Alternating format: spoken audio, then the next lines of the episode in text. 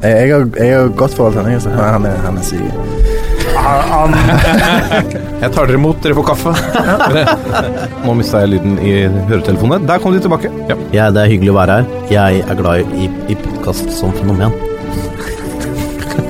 Jeg må ut. hjemme mot Lyngen Karnes gikk de på et litt leit 0-19-tap uh, her. Hvilken divisjon snakker vi? Er det tredje eller fjerde? Fjerde, fjerdedivisjon. Kjetil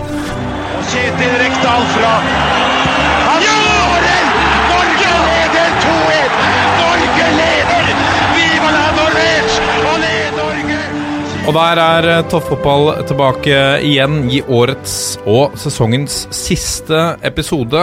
Vi kjører en lang sesong. eh, I regi eh, Ikke i regi, men eh, sånn som vårt kjære kongelige norske fotballforbund gjør. Her strekkes det ut, så det nærmer seg jul eh, til siste obligatoriske episode. Mine herrer, velkommen. Takk for det. Joakim Bårdsen. Ja. Nå er jeg spent. Gleder du deg til jul?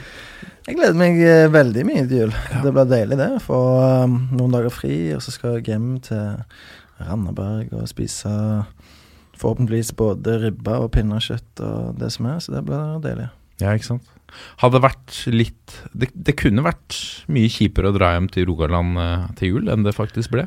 Ja, du, hvis du tenker på, på det som har skjedd eh, på fotballbanen i, i Stavanger, så har du rett i det. det.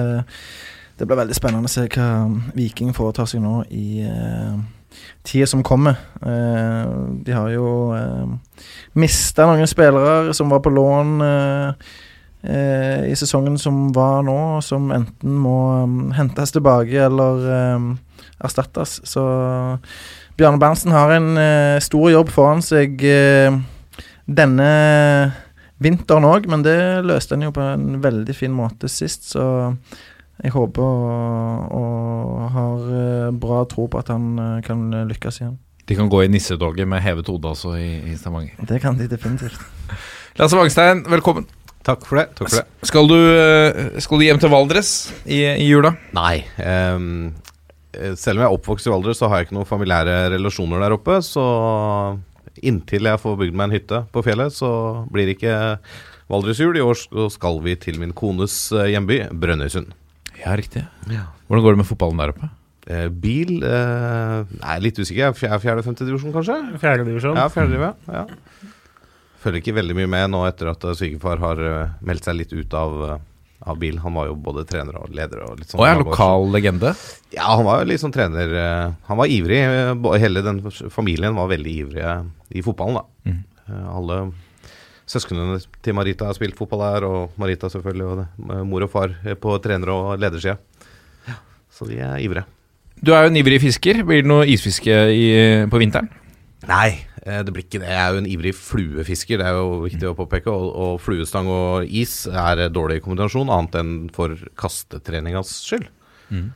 Men jeg håper å snike inn en liten sånn sjøtur opp i Nord-Norge der i jula, da.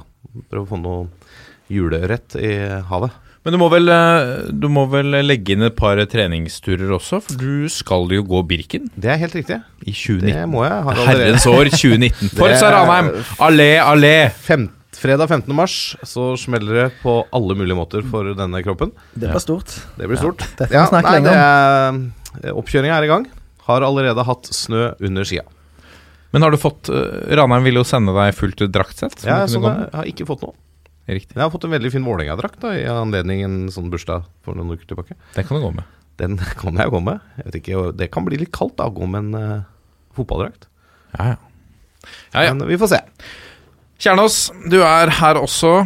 Her er jeg. Der er du Du sitter jo sitter jo og sitter og gleder deg til å angripe avdelingsoppsettet. For nok en gang så har de eh, ikke tatt til fitter og lyttet til deg eller de andre ekspertene der som har satt opp sine forslag. Nei, vi får spare litt på kruttet. Men uh, jeg driver jo og tenker på sånn om man er sånn en av de som Når det er sånn protest utafor Stortinget, og så står det sånn sju mann og protesterer mot et eller annet veldig obskure greier, og så er det ingen andre som bryr seg. Men det, jeg syns nå det er litt tåpelig. Ja, det får jo konsekvenser, da, når eh, eh, klubber holder på å gå ad undas eh, pga. oppsettet, så er jo det ganske trist. Men, men du har ikke tenkt så konspiratorisk at du tenker eh, de gjør noe helt annet enn de gode forslagene til deg og andre på Twitter bare fordi at de kan? Nei, det, det får vi jo virkelig Så smålig er, er vel ingen der, på en måte. Men det, jeg, det er ikke alt som eh, gir logisk eh, mening. Det er det ikke. Så resonnementene hadde vært interessante. Og de har jo åpna opp litt, som vi skal fyre løs på etterpå. For det er noe tankegang som er så borti natta at ja, vi, vi får spare det. I dagens sende skal vi ikke ha rundens øyeblikk, men vi skal ha årets øyeblikk, rett og slett. For det er jo siste episode for året. Eh, Vi har fått inn en haug med gode lyttespørsmål. I Pulsen skal vi snakke om avdelingsoppsettet i 2. og 3. divisjon. Vi skal en tur innom trenerspørsmål i Rosenborg. eh, Og vi skal se raskt nærmere på de to uh, siste kampene foreløpig. Uh, kanskje Sarpsborg går videre. Det ser ikke sånn ut, men, men de skal uansett ut mot Genk, og Rosenborg skal uh, måle krefter mot Red Bull eh, Leipzig. Um, før, vi, før vi går videre til årets øyeblikk, så hadde vi denne årets lagkåringen, hvor uh, Bårdsen og Kjernås hadde satt opp hvert deres årets lag. Eh, jeg kan informere da om at eh, eh, Team Kjernås stakk av med flest stemmer. Um, men vi skulle trekket også en av stemmene her som, uh, som stakk av med en toppfotballkopp. Og da ber jeg uh, Joakim Bårdsen om å si et tall mellom 1 og 10. Ti. 10, ja. Det, da går det en kopp til Daniel Fossbakken. Gratulerer. Gratulerer. Han, han sendte inn en stemme til deg også, faktisk. Ser du det? Ikke sant? Bra treff. Ja, ja, ja. Takk, eh, Daniel. Daniel, du må sende oss en uh, melding på Twitter med din adresse, så får du en uh, toppfotballkopp i posten i løpet av årsskiftet 2019-2020. Tenker jeg, sånn cirka. Vi er jo, vi er jo ikke, vi er ikke sterke på logistikk. Nei, det er vi ikke. Vi er jo en uh, liten organisasjon basert på frivillighet. og det er klart, da er det greit å legge forventningene deretter. Ja, men i, i løpet av, vi kan love, i løpet av 2019 så kommer den koppen. Det bør du klare. Dette er toppfotball. Da har vi kommet til årets øyeblikk, og vi begynner med deg, eh, Joakim Bortsen. Ja, Um, jeg måtte ikke tenke så veldig lenge på dette her, faktisk, fordi um, det var noe som skjedde um, helt på tampen av sesongen. Faktisk det aller siste som uh, fant sted i Stavanger. Det var etter at Viking hadde sikra opprykket mot uh, Kongsvinger, så ehm, stormer Stavanger-publikummet banen, og da kjente jeg eh, frysningene kom. Kjente faktisk litt frysninger akkurat nå når jeg eh, tenkte på det òg. Så um, det er noe som jeg aldri har sett før i Stavanger. Publikum der er kravstort. Eh, de de ønsker å, å identifisere seg med noe bra, noe som er suksessfullt. Og, og det har jo denne vikingsesongen vært. og at det så mange Det er jo en klisjé, men på en måte store og små tok del i den festen som, som det opprykket var. Det, det er som sagt et sjeldent eh, syn, noe som jeg ikke har sett før i, i Stavanger. Og hele rammen rundt den kampen der, og at Viking faktisk innfridde. Eh, ikke bare fordi at jeg eh, er glad i klubben, men eh, som en eh, person som er glad i fotball generelt, så var det stort å se. Ja. Ja, det, det viser jo litt av det potensialet som ligger i Stavanger og i Stavanger-fotballen. Og det er jo gledelig å se. Og det er jo klart at en klubb som Viking bør og skal jo være i Eliteserien og være med å hevde seg i Eliteserien år etter år. Så godt å få dem opp igjen, det syns jeg også. Det er jo det, Hvis Viking hadde klart å etablert seg i toppen av norsk fotball, sånn at de faktisk kjempa om ligatittelen, Mm. noe som virker nokså fjernt, fordi i, min levetid så har det egentlig aldri vært et uh, reelt uh, scenario. Var vel fem poeng unna uh, førsteplassen eh, da Roy Hodgson var manager der i det som da vel blir 2005, hvis det kan stemme. Men allikevel, til og med da, så var det hele tida sånn at det var en, en viss avstand. Så hvis Viking eh, mot alle odds nesten eh, kunne mm, klart å, å fått på plass et lag og en klubb som kunne kjempe om ligatittelen, da hadde det Da hadde du fått sett eh, lignende scener, i hvert fall eh, lignende oppmøte på stadion eh, i veldig, veldig mange matcher. Må jo bare, før vi går videre, må bare også få da i forlengelse av dette å gratulere Stabæk med å ha beholdt plassen i Eliteserien etter å ha slått eh, Ålesund. Eh, banestormingen i Ålesund var kanskje litt mer halvhjerta enn den vi så i Stavanger, og det var jo litt eh, underholdende å se han ene Securitas-vakta på Color End stadion som prøvde å holde igjen noen av disse Stabæk-supporterne. Han var illsint. Jeg bare la dem løpe, og så tar du det etterpå, tenker jeg. Men det, han, skulle, han skulle bryte.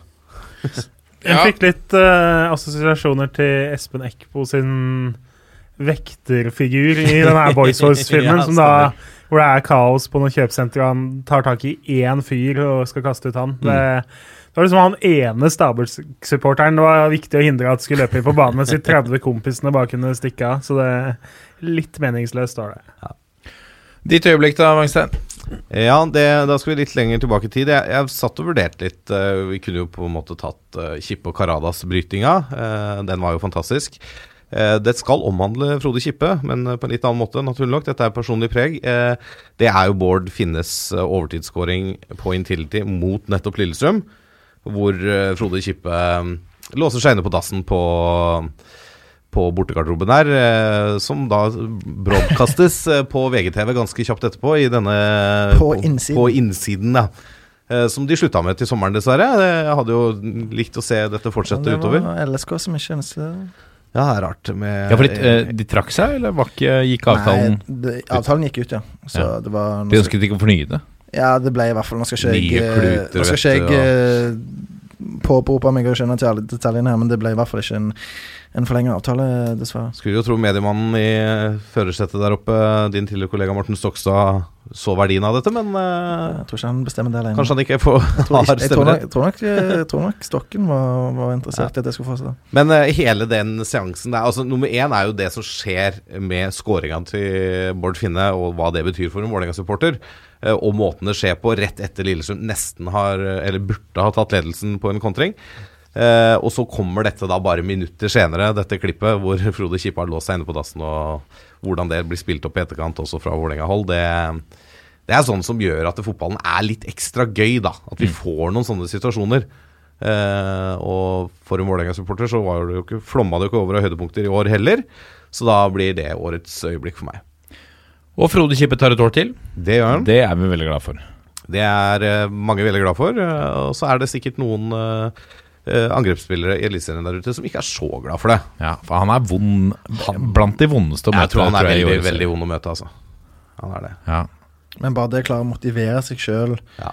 år etter år etter år for å reise på de samme treningsleirene, trene to ganger dagen, eh, stiv og støl muskulatur eh, Mer og mer kunstgress. Ja, leve under et konstant press om å levere. Usikkerhet rundt eh, hvordan kroppen kommer til å fungere, gjerne.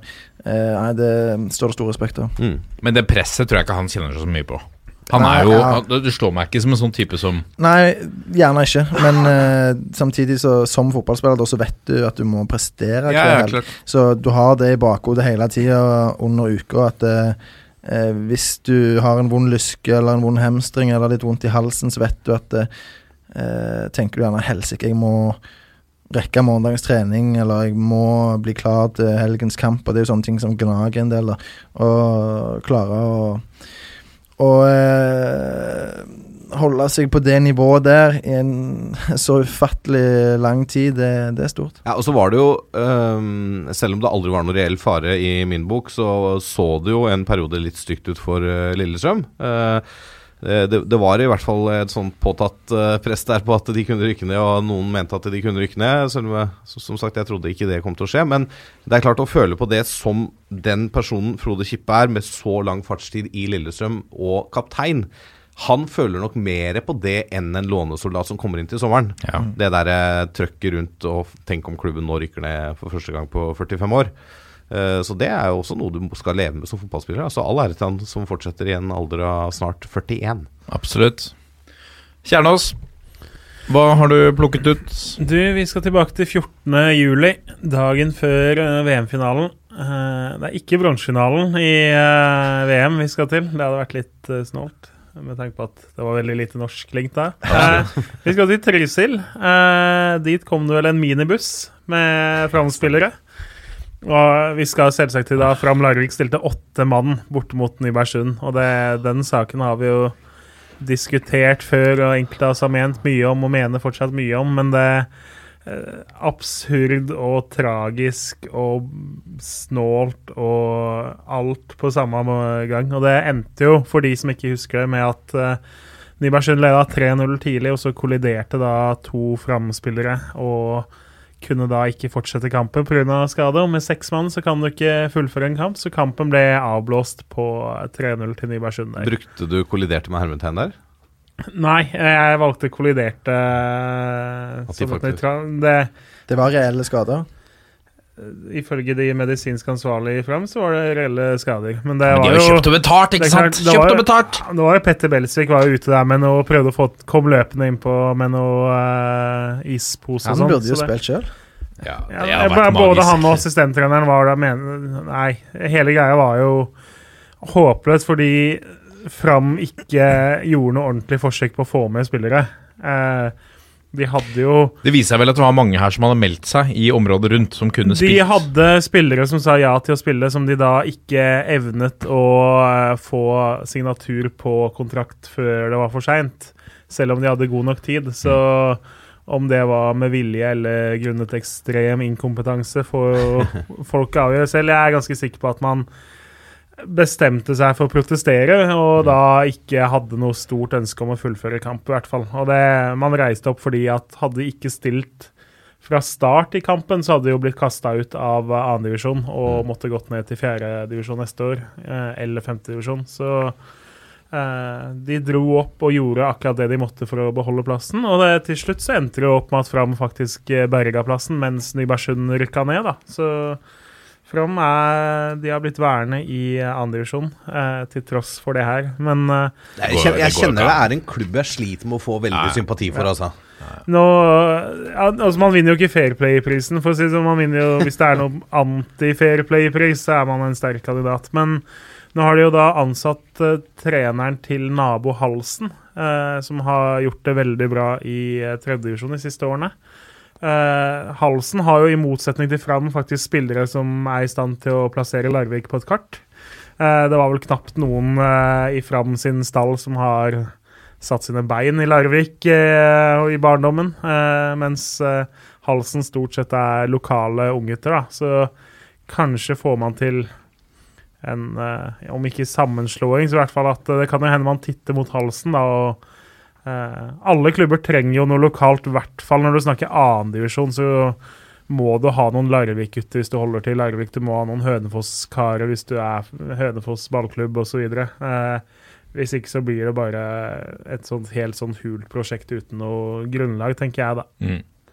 Men det klart, altså det, det er det øyeblikket jeg kommer til å huske fra den sesongen her, når vi om fem år eller ti år, så tror jeg det her er den matchen jeg husker, fordi eh, det skjer jo i åttende divisjon, men eh, det skal jo ikke skje i annen divisjon, som er toppfotball per definisjon. Ja.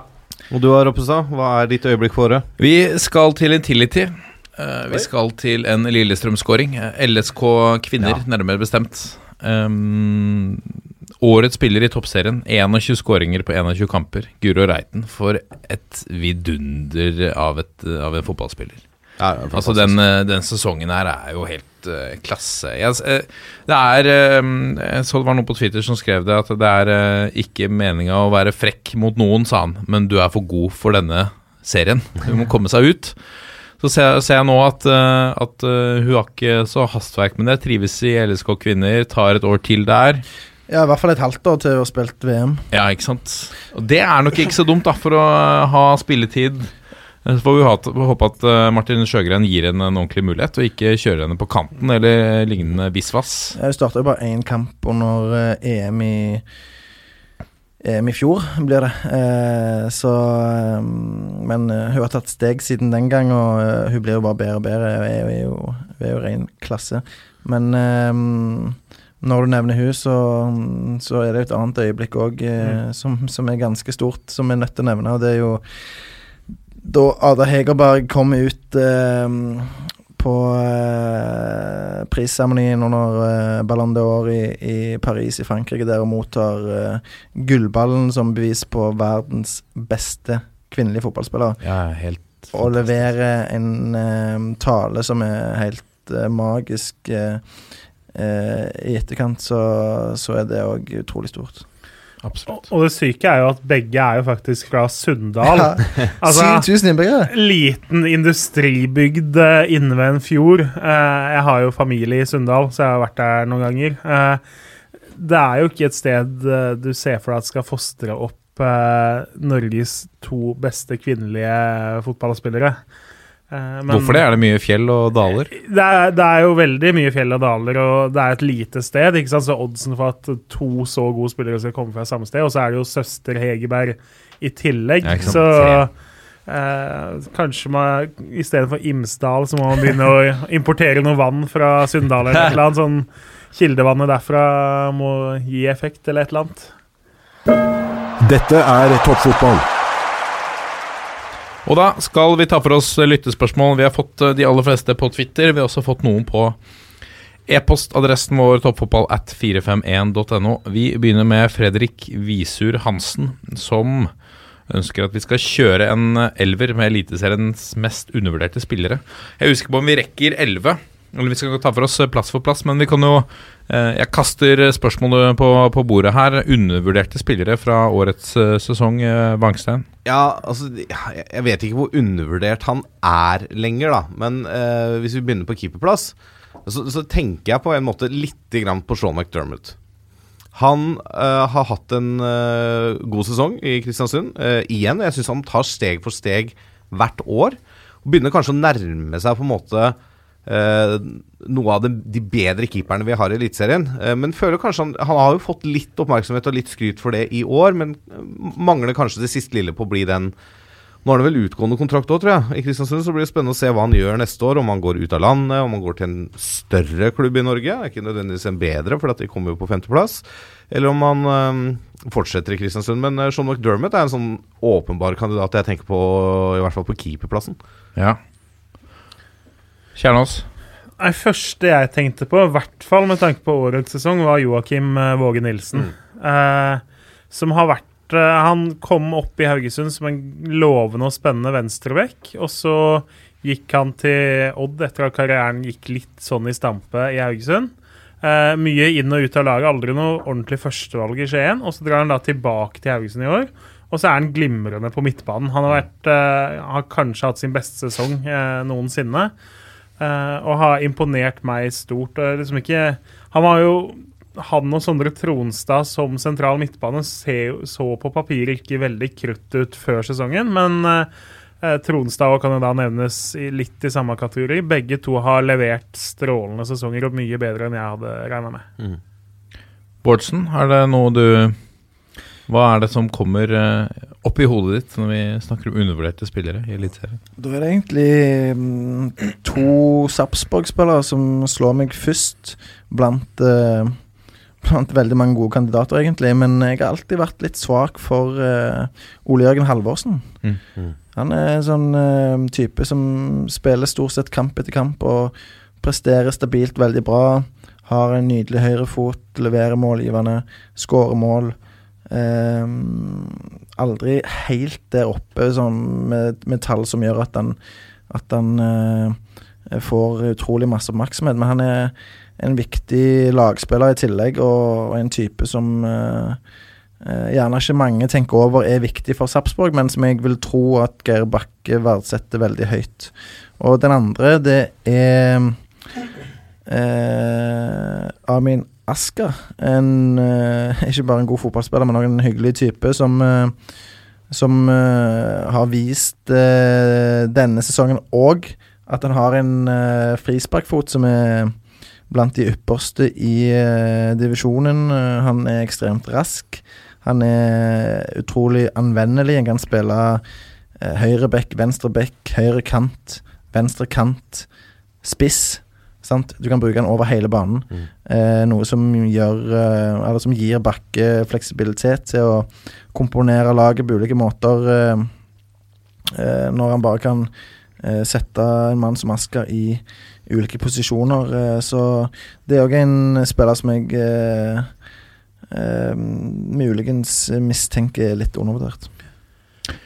Jeg har jo ja. jeg får skyte inn en til, som, jo, som jeg syns har vært kjempegod i år. Som vi snakka litt om da vi tok årets lag òg. det er Vebjørn Hoff i Odd, som eh, vi om da, som har løst den dype midtbanerollen perfekt i Odd. Eh, har masse eliteseriekamper i ganske ung alder eh, allerede. og Har blitt eh, en midtbanespiller da som er såpass god at eh, Vi snakker ikke noe landslagsnivå, eller noe sånt, men at han kan, kommer til å gå til en bedre klubb enn Odd i løpet av ett eller to år, det ser jeg som veldig sannsynlig hvis han fortsetter den utviklinga. Han er vel 22 år og har da 110 eh, eliteseriekamper allerede, eller et eller annet. Så eh, han eh, er også Det er en spiller som ikke hadde blitt kjent igjen på Karl Johan. Altså Han kunne gått opp og ned Karl Johan hele dagen. og Måtte håpe at eh, Rune Tribune eller en sunnmøring gikk forbi for å bli kjent igjen, tror jeg. Så eh, ikke noen profil, men en veldig, veldig god spiller. Ja, jeg har lyst til å nevne Jeg har en eh, forkjærlighet for eh, store, sterke, klassiske midtstoppere. Dan Peter Ulvestad Ja. i Kristiansund. Ikke noe tull, ikke noe fiks-faks. Få den ut, klinke ned, vinn duellen. Eh, fantastisk. Jeg husker kampen mot uh, Vålinga der. Han må jo end ender opp med å gå ut der. Man får seg en skikkelig eh, smell i hodet.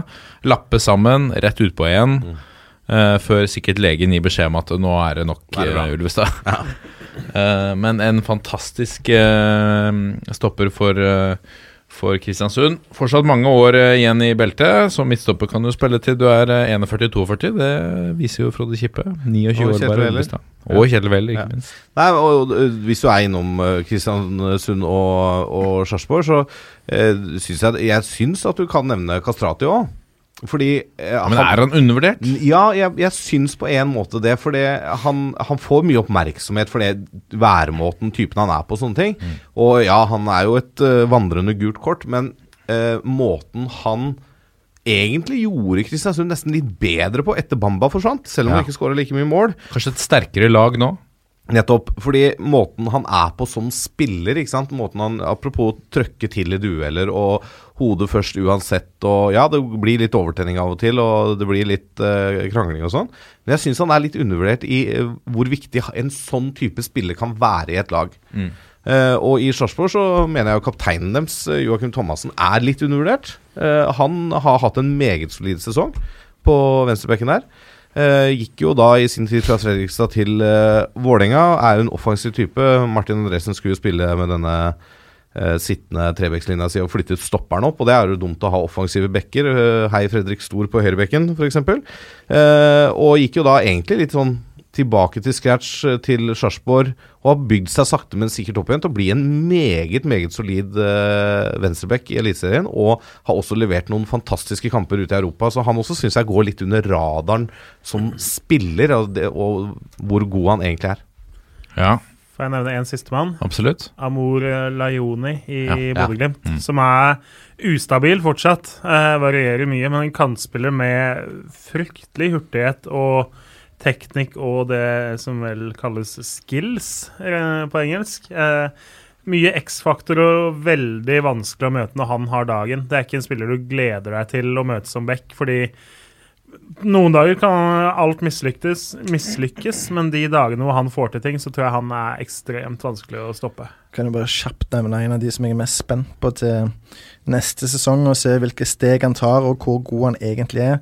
Jeg nevnte han, jeg tok han ut på det som var mitt årets lag. Det var Aslak von Wittry, Mm. 22 år i, i Ranheim. eh, Meget eh, spennende høyreback som, som fort kan ende opp i Rosenborg eh, i løpet av vinteren. Eh, han har jo eh, debutert på U21-landslaget og, og er som sagt eh, eh, linka til Rosenborg, så eh, om han Hvis Meling blir solgt. Nei, han, han er høyreback. høyreback. Ja, riktig. riktig. Så, så øh, om vi kan definere han som øh, undervurdert, er jeg usikker på, men uh, i hvert fall uh, en spiller som ennå ikke har uh, tatt det aller siste steget i Eliteserien, men som har potensial til å gjøre det. Men vil du gå til Rosenborg nå med tanke på Hedenstad? da? Ja, Hedenstad har det blitt eh, stilt eh, spørsmål eh, rundt denne sesongen her, eh, så det er ingen umulighet å, å utkonkurrere han. eh, selv om jeg personlig eh, har sansen for, for Hedenstad, så,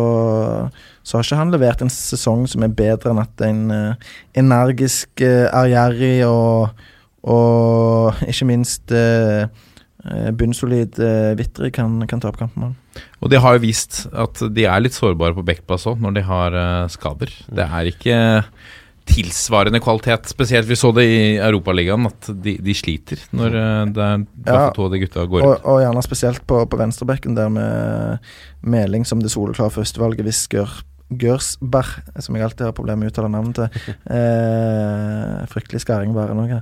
Eh, kom- kom, kom inn, så er de klart svekka, men eh, Reitan er jo spennende òg på, på høyrebekken, Mm. så der er det jo en annen eh, Men henter de von Witter, så må Reitan lei- eh, lånes ut eller gå andre veien. Det har vel vært snakka om nettopp det, ja. Ja.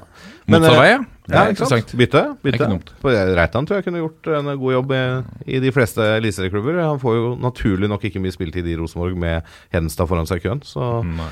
Han er også en spiller jeg syns er veldig spennende, da, men det er vel kanskje, kanskje ikke undervurdert. Men uh, en som har kommet litt uh, sommersignering i skyggen, da, for å ta en siste fra min side, det er jo um, Daniel Pedersen i Lillestrøm. Kanskje ikke undervurdert, men kommet veldig i skyggen av Smarason. Som har vært Ja. veldig god der oppe. Men uh, han Pedersen har jo vært med på å stabilisere den Lillestrøm-midtbanen i høstsesongen. Og har vært, eh, jeg syns han har vært meget, meget god. Eh, så det var et fornuftig kjøp, var det vel? Av, eller han leide inn. Han ble usikker. Han er vel kjøpt Smarason har i hvert fall utgått Ja, kontrakt. stemmer. så- Ja. smar, ja. En fornuftig kjøp da Lillestrøm, uh, som har gått litt under radaren fordi Smarason har vært såpass god som han har vært. Godt valg. Jeg, jeg satt jo lagde meg et lag i går som jeg glemte å lagre. Og da kom jeg også på han. Det er jeg helt enig i det du sier. Han, Ja, eh, hunden han... spiste opp mitt lagforslag her. Mm. Men det, ja, det var mye midtbanespillere, fant jeg ut. Det var verre å finne si, andre posisjoner. Jeg endte opp med veldig mange sentrale midtbanespillere. Så Jeg hadde alle. en jeg- jeg- Jeg ser, jeg har skrevet ned en type som uh, knapt har spilt i Eliteserien i år, men som jeg uh, vet eh, blir eh, vurdert høyt i Drammen, i hvert fall. Viljar Myhra, som, Mm. eh, som starta eh, sesongen for eh, Odd uh, pga.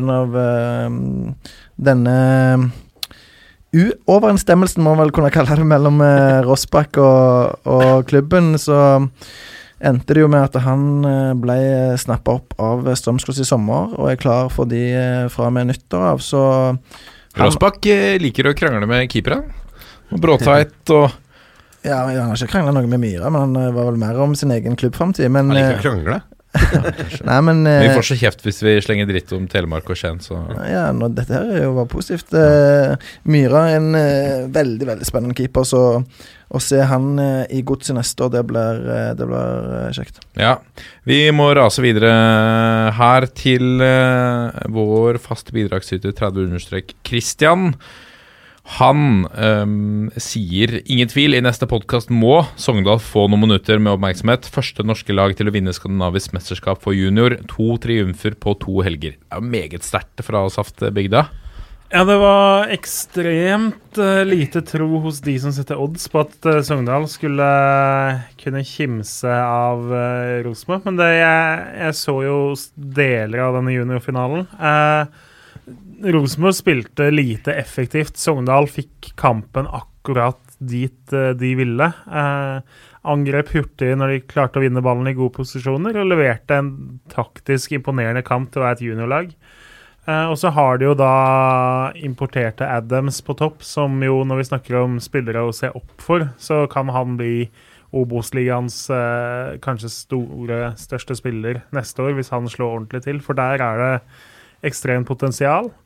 Eh, så har jo da både Rosenborg og eh, Sogndal blant annet vært og spilt noen kamper mot de andre skandinaviske juniorlagene som har gjort det godt. Eh, endte jo da opp med å vinne der nå nylig. Så imponerende av Sogndal, det. Og de, det er jo mye spennende spillere på det laget. Brødrene Fredriksen, som de har henta fra Brann, er jo U-landslagsspillere. Og Ulrik har jo spilt mye i Obos-ligaen. Thomas Totland har spilt mye der, blant annet. Og så har de jo Eh, resten av spillerne har fått mye erfaring fra tredjedivisjon i år. Eh, gått litt opp og ned der, da. Eh, men eh, mange av dem som da viste, i hvert fall i den juniorfinalen, at eh, det er spennende spillere. Og Sogndal hadde jo knapt nok spillere fra fylket inne på banen i Obos-ligaen i år. Eh, så de har jo da en tre-fire mann eh, på det juniorlaget som bør eh, i hvert fall får sjansen til å trene med A-laget gjennom vinteren og vise seg gode nok. da. For det, vi har jo snakka litt om Sogndal før og alt de er tufta på som talentfabrikk. Eh, et Sogndal uten spillere fra Sogn og Fjordane, det stemmer ikke. Så de er nødt til å løfte opp de beste av de juniorgutta så godt de kan. da. Ja. Vi går videre til et spørsmål fra Odd Tjelta. Han lurer på hva skjer i Nardo og Moss for tida? Skal vi ta Nardo først, Kjernås? Ja, Nardo har jo et slag om at fotball er lant. Altså fotball er gøy på trøndersk. Det, Nardo er en bitte liten klubb eh, på andredivisjonsnivå. Eh, egentlig utrolig at de har holdt seg oppe. Fordi de slår lag hvor det spillere lønnes nok til at de kan drive med fotball på heltid. Mens eh, i Nardo så er du heldig hvis du får deg en treningsdress eh, satt på spissen. Eh, Nardo har jo nå overlevd to sesonger på rad med et veldig lokalt lag, samt noen studenter som har kommet ramlende innom, og så har de berga plassen. Nå så står hele klubben i ferd med å gå konkurs, eh, og det er jo da bl.a. fordi det koster mye å reise i andredivisjon. Eh, og man har ikke fått gode nok eh, godt nok med penger inn, da. Så eh, en del av problemene har spillerne har starta en kronerulling her. eh, og bl.a. har kritisert at spillerne har i kontrakta si at de skal delta så og så mange timer på dugnad i løpet av et år for å få lov til å spille i Nardo. Eh, og så er det da påstått at det ikke, har ikke vært en eneste dugnad gjennom 2018 som gir inntekter. Og da framstår det jo som en underlig klubbdrift når eh, man allerede i 2017 gikk ganske mye i underskudd, og så bør man jo skjønne at det samme skjer i 2018. Da må det jo gjøre noe tiltak for å få penger inn. Det er ganske, Du skal ikke ha vært i mange bedøk-timer på videregående for å skjønne eh, at du må ha inntekter når du har utgifter. Mm. Eh, det har Nardo, altså ikke klart, så konsekvensene kan bli at de er nødt til å trekke laget sitt fra andredivisjon. Eh, og, og det virker altså det er ikke bare, Ofte så hører man sånne ting, og så er det litt sånn for å få én kreditor til å liksom ettergi litt penger, og så ordner det seg. Her så er det snakk om såpass store summer for en klubb med lite budsjett at eh, det er en reell fare. Og så har jo da daglig leder blei permittert, har siden sagt opp nå, eh, osv. Så, videre. så de sliter. og skulle de trekke laget, så blir jo konsekvensen at eh, Fløy får tilbud om å få tilbake plassen i andre divisjon. Sandefjord 2 får da tilbud om Fløy sin plass i uh, tredje divisjon, mens Nardo må starte i fjerde divisjon, hvor Nardo 2 nå spiller. Ja. Moss, da, eh, Joakim? Ja, der er det jo eh, rimelig kaos. Ehm, der fikk jo daglig leder eh, Kjetil Berge mm, beskjed om at eh, han var sagt opp eh, rett før eh, sesongslutt i forbindelse med en kamp. Ole Martin Esselquist, som eh, har vært gjest i denne podkasten, han har eh, funnet seg ny klubb, eh, tatt et steg opp og gått til Strømmen. Martin Tømt Jensen og Morten Jæver har eh, sagt at de er ferdig i klubben pga. behandlingen eh, Kjetil Berge har fått eh, etter å ha mista jobben. Og ehm, etter det jeg hører, så går det mest sannsynlig mot en eh, rettssak eh, mellom eh, Kjetil Berge og, og klubben.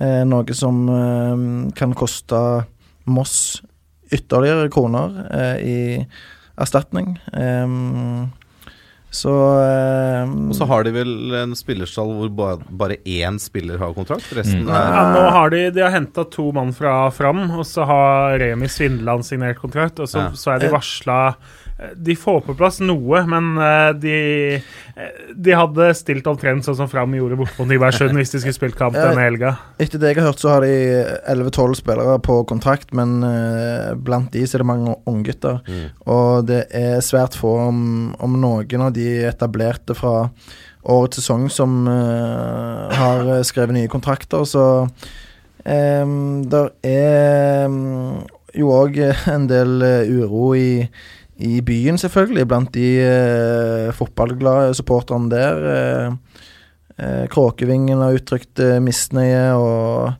eh, det er jo Det virker litt eh, kritisk akkurat nå for en klubb som har eh, jobba de siste åra for å bygge en kultur både innad i klubben og, og ut mot eh, eh, samarbeidspartnere, eh, supportere, eh, andre klubber i distriktet. eh, for å mm, gjøre Moss mest mulig robuste, da. Eh, og nå virker det som at det er i ferd med å falle litt sammen. Vi så, så Nordlink, en av våre bidragsytere, kommenterte på Twitter at Mario Jovic, han nye treneren de signerte fra Follo, har satt hardt mot hardt. Han har sagt at her er det Vil du ikke spille for klubben, så er døra der. Uh, Jeg har jo hørt, eh, har hørt at han har vært uh, ganske tøff, og at det er noen som har respondert bra på det, og det er noen som uh, ikke har likt det i det hele tatt. Så det jo, bidrar jo bare til at det er enda flere spørsmålstegn enn enn det normalt sett ville vært i den klubben nå inn mot en ny sesong i andredivisjon. Ja, vi skal følge Moss eh, gjennom eh, vinteren. Ikke hver sending, men vi har noen Moss sekund for sekund. Men vi har eh, noen gode kontakter en liten, i eh, innsiden, Kråkebyen. liten innsidenvariant i Moss kunne vært spennende. Ja, men det er jo en så tradisjonsrik og, og herlig klubb i utgangspunktet. Kjell Olofsson, Jerry Monsson, andre svensker har spilt der. Nils Arneggen har Nils trener der og vunnet serien med de og, ja, nei, det, Einar Jan Aas. Ja. ja, nei, det, det er synd hvis det skulle gå så galt som eh, Som det kan gjøre, i verste fall. Så eh, vi får håpe at ting eh, ordner seg, men det ser ikke ut som eh, det vil gjøre det med det første, med det første i hvert fall. Ja. Mitt sterkeste minne fra Melås, Meløs uh, foreløpig er uh, da jeg slang ut en litt for krass kommentar på, på Facebook. Jeg dekket uh, kampen uh, på Facebook for Ørn Horten. Eh, sendte inn noen liveoppdateringer der og, og kommenterte bl.a. at eh, linjemannen løp veldig raskt fra sin plass på sidelinja inn i pausen, og det skjønner jeg godt, for han var redd for hva som kom etter han. Eh, og, da, og da var det nesten på drapstrusselnivå fra, fra Østfold der. Det likte ikke folk. Nei. Jeg var misfornøyd med en offside-avgjørelse. Og da hadde selv Moss la inn eh, bildene av at avgjørelsen var riktig, osv. Ja, ja, ja. Eh, det var mye greier. Men eh, jeg skal ikke dekke flere kamper på, på Facebook. Det, det har Du vi har lært. lagt bak oss. Ja. Vi går videre til et eh, nytt spørsmål fra 30-årstrekk Christian. Han sier siden det er jul, eh, har eh, gutta i studio sitt eh, et juleønske for sin norske favorittklubb. En ny spiller, en ny trener, andre ønsker. Jørgen Kjernås, skal vi nå til Hønefoss? Årvoll. Årvoll? Ja. Nei, altså hvis Messi har lyst til å komme til et av stedene, så hadde jo det vært La oss hyggelig. bare ta Messi, da. Ja, for eksempel. Nei, eh, for å ta Hønefoss, da, så er jo det litt sånn eh, kaos på vei til å bli organisert, det òg. Sånn som det jo er i mange klubber. At det, veldig mange på utgående kontrakt, eh, folk sjekker sine muligheter osv. Så, videre. så eh, jeg vet ikke om jeg har et konkret ønske, annet enn at flest mulig gode fotballspillere har kontrakt før julaften. Ja. Rett og slett. Hangstein? heter noen av dem Messi, så er jo det fint. Nei, ikke sant. Eh, juleønske for Vålerenga. Eh, er- Bytta stadionnavn? Eh, nei, det er jeg egentlig blank i. Eh, stikkordet er dødball. Dødball? Jeg ønsker et Vålerenga som blir bedre på dødball. eh, både selv på offensivt og defensivt. Jeg tror statistikken viser noe sånn som 9 skårede og 18 innslupne på dødball i årets sesong. Det er altfor dårlig. Og da under det så ligger det mer spillere med litt trøkk i, litt punch, uh, duellsterke spillere, som kan rydde unna foran uh, Adam Larsen Karasai, og som kan putte ballen i mål. Ja, for det er vel blant uh, Fare for å øh, drite her. Uh, snitthøyden på Vålerenga-laget Det er vel ikke blant Eliteseriens høyeste? Nei, det, er, det, det virker ikke som det mest fysiske laget, nei. Det kan vi vel si. Så. Men det er et veldig fotballfaglig tungt ønske, dette her, å bli bedre på dødball. ja, ja, men altså det Altså, jeg, jeg kunne jo selvfølgelig sagt at hvis vi allikevel skal drive og rote mellom sjette- og tiendeplass hvert år, så ønsker jeg et lag med mye mer Oslo-profil på på spillerne. Altså at Markus Nakkim slår seg inn på laget når han kommer tilbake fra Viking nå, at Ivan Nesberg blir fast, og at det, er en Oslo-profil hele veien. Uh, for det, jeg vil jo heller komme på sjetteplass med bare Oslo-gutter enn å komme på sjetteplass med bare importspillere. Da, Vil du ha sånn. tilbake spillere som Harmet Singh og Mohammed Fella? Jeg er litt usikker, altså. Uh, og det handler jo litt grann om exiten, på en måte òg. Å, er du vondbroten? Nei, jeg er ikke så vondbroten, men jeg vet at det enkelte i og rundt klubben i hvert fall som var der tidligere, har vært litt vondbrotne. Det handler litt om hva som har blitt sagt, både sånn litt utad og internt, når de er kanskje en av de i hvert fall har vært på besøk og fått til å trene for å trene seg opp eh, og holde seg i gang for et mesterskap. Eh, som gjør at eh, det vil Men altså, det er svelga store kameler på Valle før. Altså, så det, jeg, altså, hvis de er motivert og kan løfte Vålerenga, så tar jeg de gjerne imot. Men uh, Fella har jo dessverre en uh, litt trist uh, skadehistorikk. Um, Harmet Singh har jo ikke akkurat briljert i Sarpsborg i år. Har jo fått noe spilletid, men han er jo ikke førstevalget til Geir Bakke. Nei. Så jeg vet ikke om de vil være med på å gjøre Vålerenga så veldig mye bedre. Og da ville jeg heller brukt en unggutt som har fremtiden foran seg. Ja. Da har vi foreløpig uh, Messi til Årvoll, Bere på dødball og Joakim Bortsen. Ja, Det blir vanskelig å toppe, toppe dette her. Men uh, nei, det er veldig sånn generelt ønske da om at uh, Viking bare fortsetter framgangen. Men det aller viktigste, aller viktigste nå blir jo at de igjen treffer på overgangsmarkedet. Det er som sagt tidligere her nå en, en stor jobb med å, med å styrke og, og komplettere den eh, stallen der. Um, forhåpentligvis er det en del aksjonærer som uh, bidrar med, med ren cash for å kunne hente noen spillere. Um, så gjelder det jo da om å, om å finne de rette typene, og da eh, trenger du et par stoppere. Um, du trenger en ny midtbanesjef.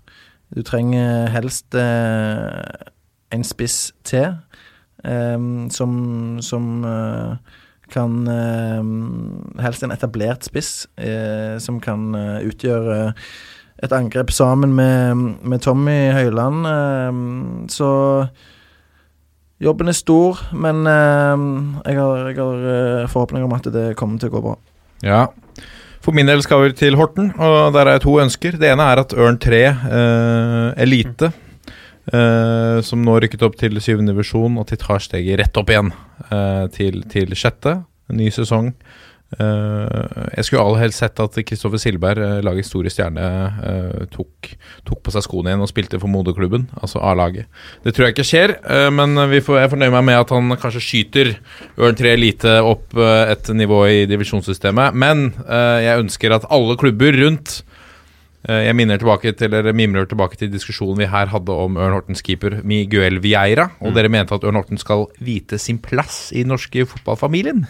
At de skal eh, vite når de skal slippe sine beste spillere videre. Sludre Vås. Miguel Vieira skal vokte buret i Ørn Horten også i 2019, og gjerne i 2020. eh, I PostNord-ligaen, forhåpentligvis. Vi tar et uh, spørsmål fra Marius Dahl. Oi, denne her er fin. Um, han starter med cupfinale i juni. Diskuter NM-kvalik i magiske forhold på sensommeren. Flomlyskamper i tidlige runder. Lag som er hekta av i serien på høsten, får ny giv i sesongen. Og cupfinale under nydelige forhold. Fans i baris, uten votter. De sene rundene kan avvikles på helg, eh, i helg på våren. Mye lettere å ta hensyn til slikt når oppsettet kommer ut, når det bare er åtte cuplag igjen. Ja, dette er jo ferdig diskutert. Ja, det er ikke noe mer enn Nei, altså eh, jeg, jeg, jeg ser eh, hvor forslaget kommer fra, og jeg liker tanken på å gjøre noe for å prøve å tilrettelegge enda bedre for at norsk fotball kanskje skal klare å gjennomføre sesongen uten at vi må trekke det helt ut i andre søndag i advent osv. Eh, altså Sverige, som har vært i VM inneværende år, klarte å gjennomføre sin sesong på kortere tid enn Norge gjorde.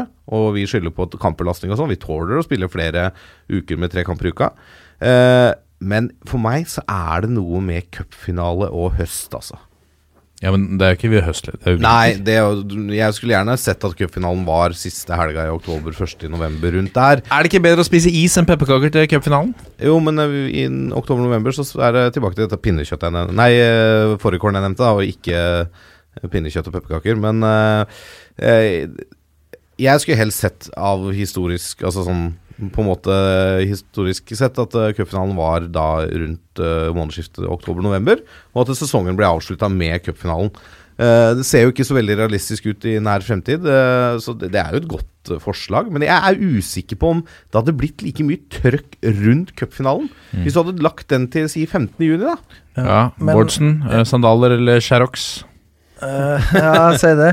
Men uh, det som gjør at uh, jeg aldri ville støtte et sånt forslag, det er at uh, cupen da vil gå over to sesonger.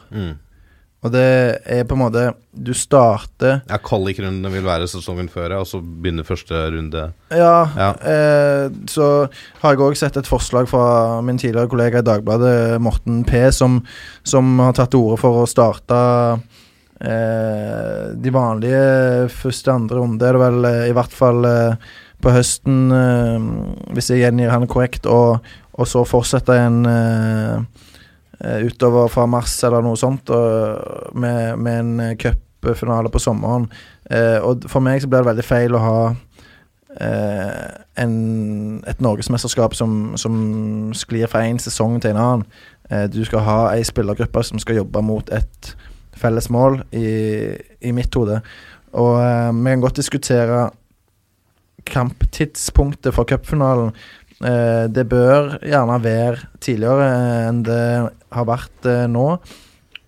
Eh, det var 22 000 betalende tilskuere på Ullevål mellom eh, Rosenborg og Strømsgodset, noe som var litt trist. Eh, jeg trodde sjøl at den kom til å bli utsolgt, den matchen der. Det ble den ikke. Og eh, det er veldig viktig for norsk fotball å, eh, å ha denne gode tradisjonen og denne folkefesten rundt cupfinalen. Så at det noe må gjøres, det er jeg helt enig i.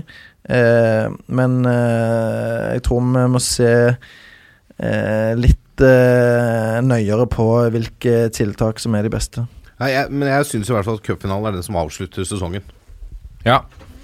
For min del så trenger jeg ikke det. Jeg kunne godt hatt en cupfinale i september. Det er helt greit. Ja, ok, Da blir det juni. Vi går jo videre til et spørsmål fra Martin Skaar Vadseth. Han eh, lurer på hvilke spillere må man se opp for i 2019? Eh, vi har fått en del spørsmål her angående 2019. Vi kommer ikke til å dykke så mye inn i det. Det gjør vi nok eh, i, på nyåret. Men vi kan jo nevne et par her. I tillegg så lurer han på er det noen spillere fra lavere divisjoner som kan ta steget opp og være aktuelle for eliteseriespill. Ja, Kjernos. begge deler. Skal vi slå sammen Skal vi ta et svar som eh, på en måte fyller begge spørsmålene? Ja, Så er akkurat jo- hva du føler for. Så er jo svaret Sondre Liseth i Nest Sotra. Ja, så nå, ifølge Bergens Tidende, så har Brann og Nest blitt enige om en overgangssum for eh, spissen Liseth, som Spennende. kom fra Fana foran den sesongen her. Han skåra åtte mål, men uh, starta kom en del inn som innbytter, og så bytta de litt formasjon, så han og Dang har spilt sammen på topp nå i høst. Eh, sterk, klok, smart, eh, vanskelig å møte. Eh, så han går da til Brann, ser det ut som, hvis han blir enig om kontrakta, eh, og det regner vi jo med at han blir. Eh, Bergenser, ikke sant? Klart, ja, ja. eh, så det er jo tøft for han å møte Eller å skulle spille seg inn på Brann, spesielt på spissplass. Men det er klart at han har jo da også potensial til å kunne dyttes ut på en kant eh, i Branns 4-3-3, i hvert fall som en slags løsning. Så I tillegg så er han jo nå, så er han jo nå eller noe så sjelden som da en verdensmester i, som skal spille i Eliteserien. Ja, riktig. Dette har vi vel snakka om før. Han er verdensmester i jetski. Ja, stemmer. Eh, så det er jo Verdens beste. Ja da. Eh, det, er jo Regjerende, eller? Nei, det tror jeg ikke han er, men han blei det som 16-17-åring, og det er jo eh, ja. Han satsa ganske tungt òg på det. ja, tydeligvis. Det, Går det an å Ja, han sto på, han, ja, han sto på jetski i, eh, som en del av videregående. Og, og, Å, ja. ja, ja, og satsa skikkelig på dette. Reist verden rundt. Ja. Ja, ja. det, er jo, det er jo ganske kuriøst, for å si det sånn. Men det er et veldig det. Det, det er de plast, eh, små plastgreiene, ikke sant? Ja, det er sånn du står på, vet du, og så har du sånn Husker du det Fester skjæroksene med sånn Nei, men du husker det spillet på sånn, jeg tror det var Nintendo 64 eller noe sånt? Da var det sånn jetski-spill. Det er ikke vannskuter, men du, den der uh, scootervarianten der du kan dra styret opp, på en måte, så du kan stå. Sant? Det er motorisert. Å ja, men vi er på va eh, Vi er vann? på, vi er på På sjøen. vann, Ja, ja. oh, ja, jeg tenker snø, jeg nå. Nei da. Oh, ja. Det er sånn Jetski, tenker jeg. Ja, men jetski, Miniski, tenker jeg. Du er Ja, ja. Nei, eh, jeg er jo helt ute. Dette Det ligner jo på en vannskuter, bare at du står på den. Ja, ja, ja. ja. Det er jo i motoridrett. Ja, ja, det er klasse, det. Ja, motorsport. Jeg har jo gått og tenkt det hele året det med miniski. Du har trodd fyren har stått miniski og så tatt sånn her kvadruppel Verdensmester. variant på det? Nei. Verdensmester i miniski. Jeg fortalte det til folk òg. Det er stort, det. Ja, ja, han der eh, spissen i det Sotra, vet du, han er jo verdensmester på miniski. Du har godt å du har gått og fortalt en løgn i et år, du nå. Bare beklage til folk. Nei, jeg har jo sagt jetski, men de har jo tenkt på sjøen. Jeg har jo tenkt når jeg har fortalt jetski, tenkt det i skibakken. Er det andre ting vi kan ta feil av i dette programmet? Masse. Okay. Toppski blir ikke Roppestad sin neste Nei. podkast. Ja, nei, men det er i hvert fall ett navn. Og så er det jo klart eh, eh, Det er jo masse spennende spillere nedover i divisjonene, men så gjenstår det jo å se hvor mange av dem som får sjansen oppover, da. Eh, og noen av de mest spennende har jo allerede funnet seg klubber eller rykka opp eh, på egen hånd osv. Så, videre. så Årets Dang, da? Når eh, tar han eh, stegene videre opp? Ja, det blir jo også spennende å se. Han eh, var jo på en måte Liseth sin erstatter i eh, nettopp Fana. Han har jo kontrakt med Fana ett år til, men det er jo ikke helt urealistisk å tenke seg at ok, Liseth forsvinner fra Nest Sotra. Nest Sotra trenger en spiss. Har ikke all verden til budsjett å eh, fryste med. Du, du får- Mangler han litt på fysikken, Henrik Udal? han er ikke like rå som Liseth er, det er han eh, definitivt ikke. Så det blir jo en litt annen type, eventuelt. Mm. Men eh, en spiller som det hadde vært interessant å se igjen høyere opp, definitivt. Ja. Og jeg må bare eh, skyte fort inn her eh, at vi endelig skal få se Jonny Fjordal i Eliteserien. Ah, fantastisk. Legenden. 12 mål og 14 sist i Obos-ligaen. Årets spiller i det som har vært av kåringer, som jeg har sett, i hvert fall. eh, både på fotballfesten og, og, og, og eh, NISO-festen. Så eh, han fyller 33 år i mai. Og jeg Har ikke tenkt å legge opp uh, ennå. legge opp nå, nei. Uh, så det blir, eh, det blir kult å se han i Eliteserien. Ja, det blir en attraksjon. Ja. Kan vi glede oss til. Jeg gleder oss til. Ja. Så rekker vi ikke alle spørsmålene denne gangen, men vi skal spare et par av de. Og ta Ja, for det er Noen av de handler jo litt om 2019, og det kan jo vi ta da på nyåret. Ja, For det er, jo- det er, jo, det er jo noen måneder fra januar til seriestart. det er riktig. Vi tar et spørsmål uansett fra Benjamin Sears, som lurer på om vi har en favorittepisode av toppfotball denne sesongen. Og det er jo litt bra, for da kan man jo komme med noen anbefalinger til lytterne, Mm. som de bør gå tilbake og lytte nærmere på. Jørgen Kjernås, har du noe um, Jeg syns den, denne episoden er veldig, Veldig veldig, bra Ja, ja, ikke sant? Eh, Lytt til den. Nei, eh, jeg koste meg jo da Marius eh, Helgå var på besøk, jeg da. Som jo eh, farter land og strand rundt for å se fotball, uansett om det er eliteserie eller åttendedivisjon. divisjon. Eh, og fortalte om driven bak dette og morsomme ting som er skjedd. Og det eh, Jeg koste meg i studio da. Jeg tror det var en veldig hørverdig episode for de som hørte på i tillegg.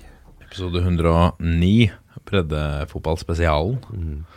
Det var, eh, ja, det var stort. Det var en, eh, det var en nydelig kar, rett og slett.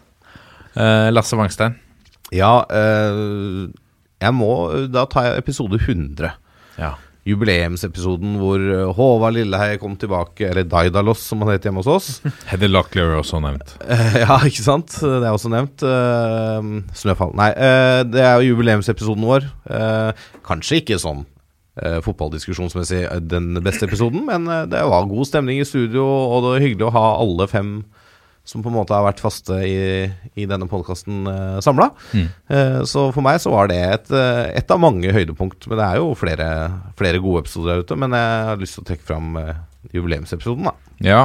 Jeg uh, For meg så er det fristende å si eh, Men det sa jeg i fjor, så det er litt kjedelig. Men, men, men eh, Luis Pimenta kom jo tilbake. Fortalte om eh, det helt uh, sinnssyke opplegget han har vært med på i, i Sverige. Uh, og, og gjorde uh, stilte her til en prat fikk stilt noen spørsmål til alle de hårreisende anklagene han fikk kasta etter seg. Um, det var et, for meg et godt innblikk i Jeg hadde en lang prat med han i forkant. Et godt innblikk i hva sterke klubbeiere og klubber eh, kan eh, gjøre med skjebnen til en eh, fotballtrener. Altså Du kan bestemme, og ødelegge, bestemme deg for å ødelegge et omdømme til en trener på et blunk. Um, så håper vi kanskje at potensielle klubber som, som ønsker å ansette han, hørte på denne episoden og skjønner at han ikke er pling idiot. Det er en av de mest lovende trenerne vi har her i landet, selv om han er portugiser. Um, og så vil jeg Altså, det er mange, men, men eh, Jan Halvor Halvorsen, var det denne sesongen? Ja, det var det vel. Ja, det, da han Da han eh, Bød på seg sjøl. Da han eh, bød på seg sjøl og, og, og eh, måtte svare for dette ryktet, som er, er at han er eh, Mottok applaus da han kom ut naken fra garderoben i Tyskland, f.eks. Uh, at han er eh, noe velutstyrt. Det var eh, ganske morsomt. Eh, I tillegg selvfølgelig at han spilte i Han var kaptein for Hertha Berlin da muren falt. Høre om, om, eh, om alt som foregikk der nede. Og Thor Tor Todesen. Også et, eh, et skikkelig fotballhue. Det var, eh, og det var en mann vi har prøvd å få tak i lenge. Han, eh, han eh, tok jo Hønefoss, Kjernås, hvor eh, han har ikke fått noen ny eh, jobb nå som jeg kan uh, Ja, han går tilbake til jobben sin Som på lærer. videregående i Tønsberg og som i Eik Tønsberg. Ja, Og det var, det var jo planen hans også da han tok over. Ja, men hadde det kommet en, en større klubb ramlende, så er det vel ikke umulig at han hadde hoppet på et tilbud til. Joakim Bårdsen, hva er det du husker best, eller hvilken episode var din favoritt?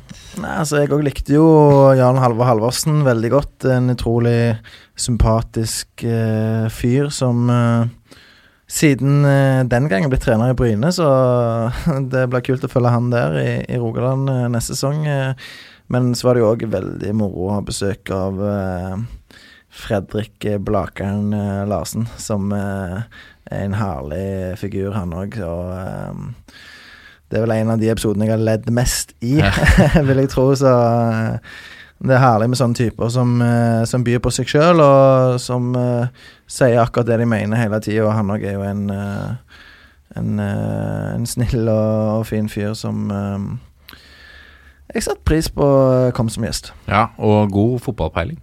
Absolutt. God, god kontroll på lokalfotballen, spesielt gjerne. Det er noe som, som passer bra inn i dette studio. Det var lyttespørsmålene vi rakk. Vi har fått mange lyttespørsmål. Det er mange som bidrar jevnt og trutt gjennom uh, hele sesongen. Og det er uh, på sin plass å nevne noen av de. Eh, Ruben Wold har fått en kopp. endelig mottatt en kopp etter å ha mast ganske lenge. Hei til deg, Ruben. 30 understrek Christian må vi nevne. Han fikk jo sin kopp, han også, for bidragsyter, årets bidragsyter i 2017. Eh, den fikk han nå på høsten. Um, Kim Are, ikke minst. Masse gode forslag og tips til gode samtaleemner. Uh, veldig mye om Haugesund, selvfølgelig, og det er veldig bra. For det er uh, Den er jo fortsatt, selv om du er med, Joakim, uh, litt østlandspreget, denne, denne podkasten. Den har blitt bedre. Den har blitt mye bedre, det er helt riktig. Er det andre som Jeg syns det er mange, mange som har bidratt bra, som du nevner her òg. Men det er nesten utrolig at folk gidder å følge med, da. Eller uh, høre etter uke etter uke. Jeg vet ikke om alle hører alle episodene, men det er iallfall veldig kjekt at folk uh, bryr seg uh, først og fremst om norsk fotball, da. Vi er ikke så viktige, men det er selvfølgelig gøy at uh, folk tar seg tid til å sende inn spørsmål og, og bidra i diskusjonen. Ja, og det hjelper veldig. Altså, vi er jo evig takknemlige for alle som gidder å bidra. For det vi, vi klarer jo ikke, selv om vi har Jørgen Kjernås her, å få med oss alt som skjer. Nei. Og det er eh, veldig, veldig nyttig med, med litt innspill fra hele Norge. Vegard Nomerstad er en annen. altså Benjamin Sears vi kan nevne hit og dit. Men vi skal trekke fram én eh, som har bidratt jevnt og trutt i hele år. Eh, og det er Norlink. Nordlink. Eh, vi skal la navnet hans være Han skal få lov å være anonym. Han heter Nordlink på Twitter. Gå inn og, og følg han. Eh, Nordlink, du får en en eh, kopp i, i eh, posten hvis du sender oss en eh, På sikt, ja. På litt lang sikt. Har litt lang perspektiv på den koppen, da. Ikke flytt i løpet av det neste Nei, det er veldig viktig. Eh, Da Da må du går det i vasken. Da går det vasken. Så send adressen, så sender vi over en kopp eh, Nordlink. Nå kommer pulsen. Og Da har vi kommet til pulsen, og vi begynner eh, pulsen med å ta for oss avdelingsoppsettet i annen og tredjedivisjon. Skal det rases eh, nå, Jørgen Kjernås?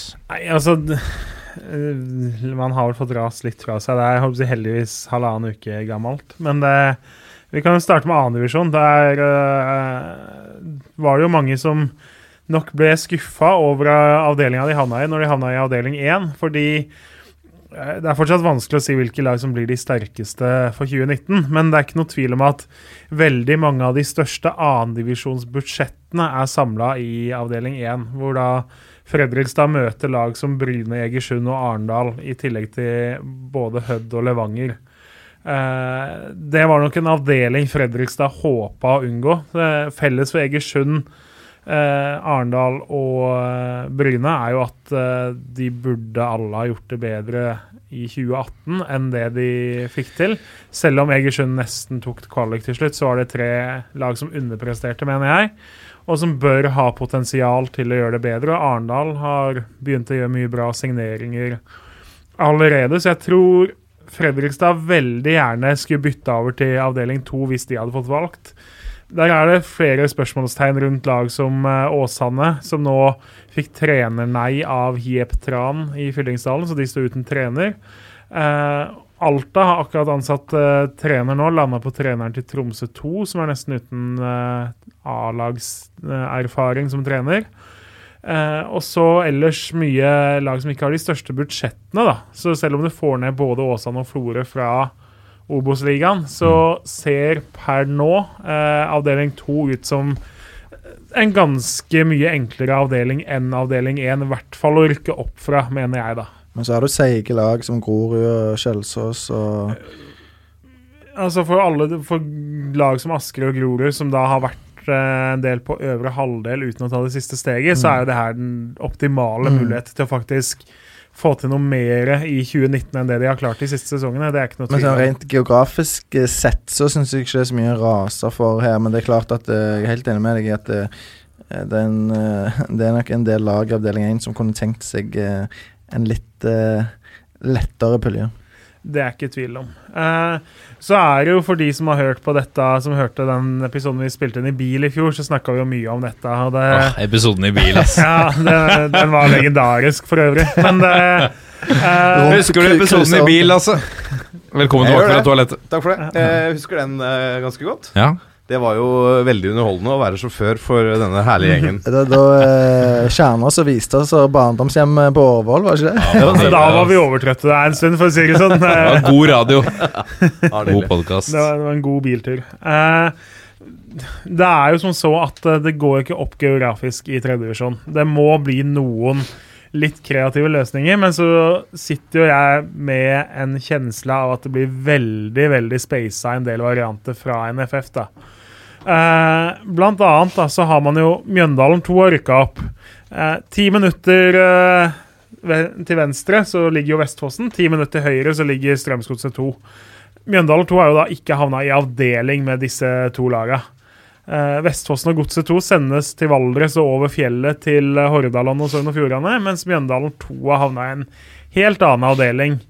Eh, og så kan man dra fram Det er mye Romerike er da splitta igjen. Eh, Oslo sendes hit og dit, osv. Min store er at når, man ser på den presentasjonen NFF hadde da oppsettet kom, så mener jo da at Nord-Norge til Trøndelag mener man er utfordrende reisemessig. Eh, vi har jo en som jobber i Avinor her. Jeg er så heldig at jeg har tilgang til internett. På internett kan man sjekke hvor mange fly det går. Fra Værnes til Bodø så går det på en søndag ti fly. Hvis det er utfordrende reisemessig, dra til Værnes, sitt på et fly i tre kvarter, land, og så kan du spasere bort til både Aspmyra og banen hvor Junkeren spiller.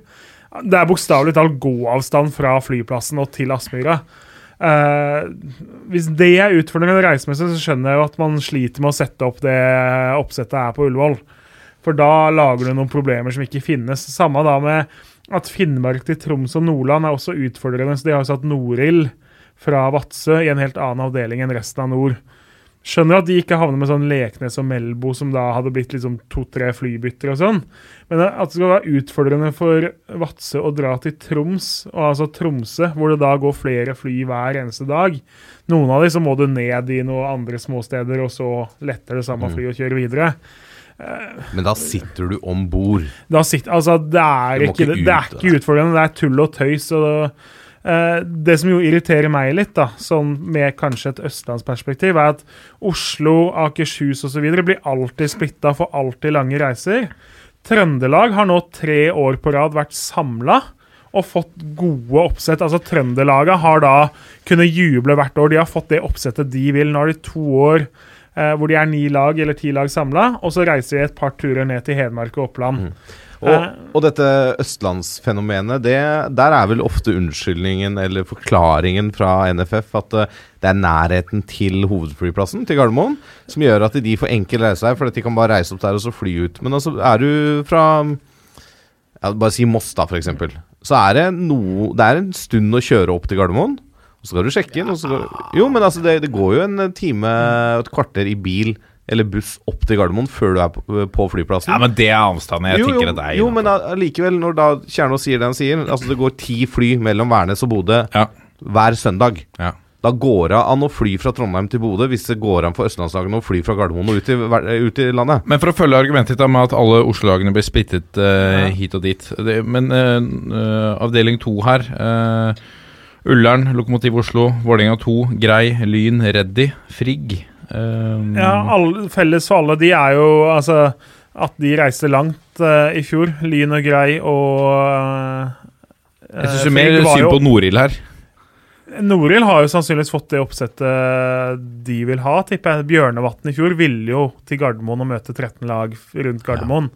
Fordi det var bedre for dem enn å havne Eh, Jeg er helt sikker på at Norild har det mye enklere når de skal reise til Tønsberg eller Halsen, enn hvis de skulle reise til Leknes og Melbo. Ja. Eh, Så det er klart at de får jo mest belastning, men er du fra Vadsø, så eh, er det to-tre lag som holder ditt nivå innafor åtte timer med buss. Så da har du på en måte ikke så mange alternativer.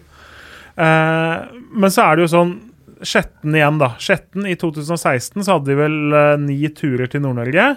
Så hadde de da én tur til Bjørnevatn i år, og så får de da ni nye turer til eh, eh, nord i år. Eh, kan gå for, altså de har I øyeblikket så har de akkurat ansatt sportslig leder, men de har ikke trener, de har ikke daglig leder, de har ingen spillere. De hadde et spillemøte eh, hvor det møtte opp seks eh, spillere fra årets salg. Av de så har fire nå signert for andre klubber og to lagt opp. Så det er klart Skjetten har mange andre problemer som ikke er nødvendigvis relatert til hvor de skal reise i år. Eh, men at det er en faktor som bidrar potensielt til å sende dem eh, sånn at de ikke stiller lag, da. Men går vi mot at, at det er flere klubber her nå som, som ikke stiller i lag? Er det en Ja, altså, konsekvens så, og av som nye vi har snakket om før, det fins mange gode klubber i fjerdedivisjon som kunne ha rykka opp, men som ikke vil rykke opp. Og som eh, Jeg vet at det finnes ledere rundt om som er dritbekymra for at deres lag skal rykke opp. For istedenfor å kunne dra tre kvarter rundt og spille mot andre lag på fjerdedivisjonsnivå, så frykter de at neste år så blir de sendt eh, Norge rundt og får en halv million i ekstrautgifter.